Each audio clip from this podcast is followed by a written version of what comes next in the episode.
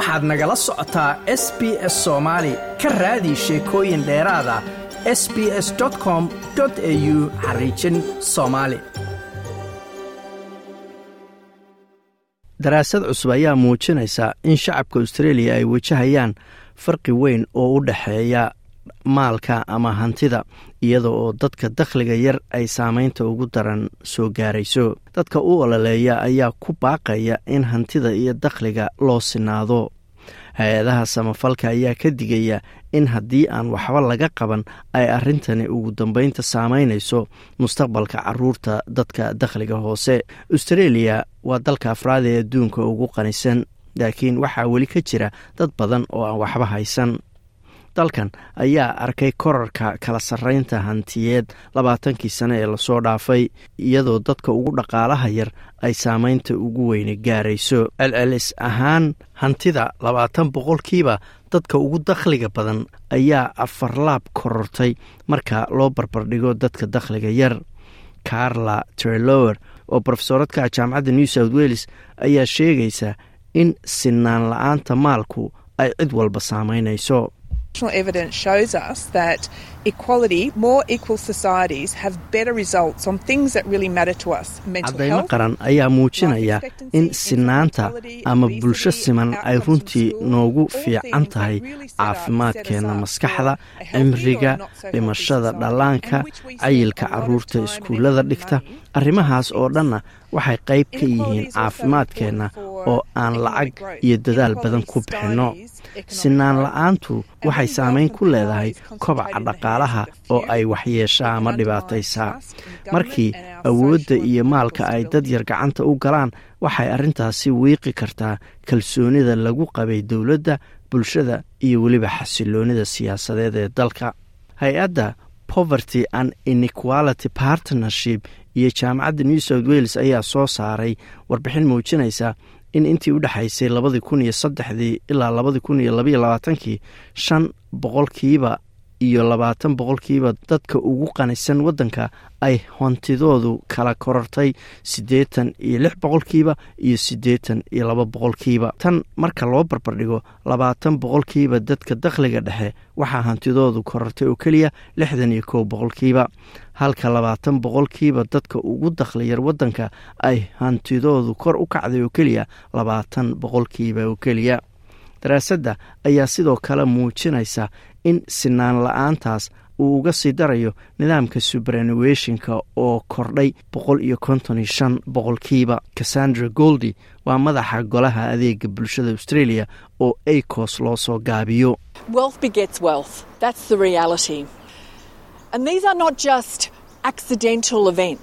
hantidu hanti ayay dhashaa. taasi waa xaqiiq sinaan la'aanta ma aha wax iska dhaca ee waxaa keenay siyaasadihii la hirgeliyey labaatankii sane ee dhaqaalaha dalku uu aad u kobcayey markaas oo australia ay aad qani u noqotay waxayna ka mid tahay dalalka adduunka ugu qanisan laakiin labaatankii sanoo la soo dhaafay waxaanu ogolaanay in lacagaha cayrta ee la siiyo dadka shaqala-aanta ah ay noqoto tan ugu yar marka loo fiiriyo dalalka o e c d-ga oo ah dalalka horumaray.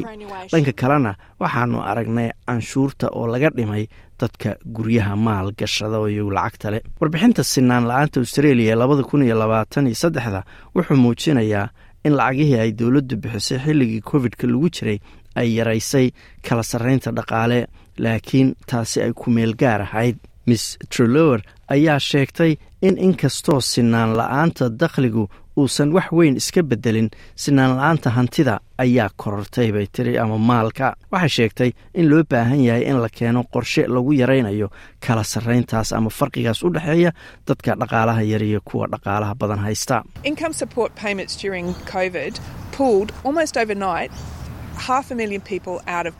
lacagihii cayrta ee la bixiyey intii lagu jiray faafkii covid nneteen-ka wuxuu hal mar saboolnimada ka saaray nus milyan qof. waxaa ka faa'iiday shakhsiyaad carruur qoysas oo qarash dheeraada u helay arrimaha waxbarashada iyo waxyaalaha kale ee carruurta iyo qoysasku u baahan yihiin. nasiib darro markii taageeradaas la joojiyey saboolnimadii dib ayay ugu noqdeen oo waxay ku noqdeen heerkii covid ka hor taasoo keentay sinaan la'aan dakhli iyo mid maaleed. Miss goldi ayaa sheegtay in xaaladdu uga sii dari doonto kala qaybsanaanta ama sinaan la'aanta u dhexaysa jiilalka iyo dadka ka soo jeeda bulshooyinka dhaqamada kala duwan. Waxayna aaminsan tahay in xaaladda lagu maarayn karo in la abuuro guryo jaban canshuurtana si siman dadka looga qaado iyo nidaamka subarka oo lacagaha kaydka loo dhigto ah.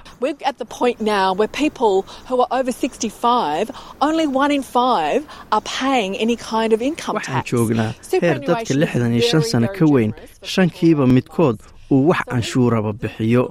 subraneeshinkuna waa mid si deeqsinimo ah. dadka wax haysta markaasi faa'iido ugu leh. Sida wax looga qaban karo sinaan la'aanta dhaqaale waa mid cad ma aha wax iska dhacay ee waxaannu u baahannahay in siyaasadda wax laga bedelo si deg deg ahna loo sameeyo taas in wax laga qabto lacagta yar ee la siiyo dadka aan waxba haysan. Waana aragnay sida hal mar lacagtii covid-ku ay saboolka uga saartay shan boqol oo kun oo qof.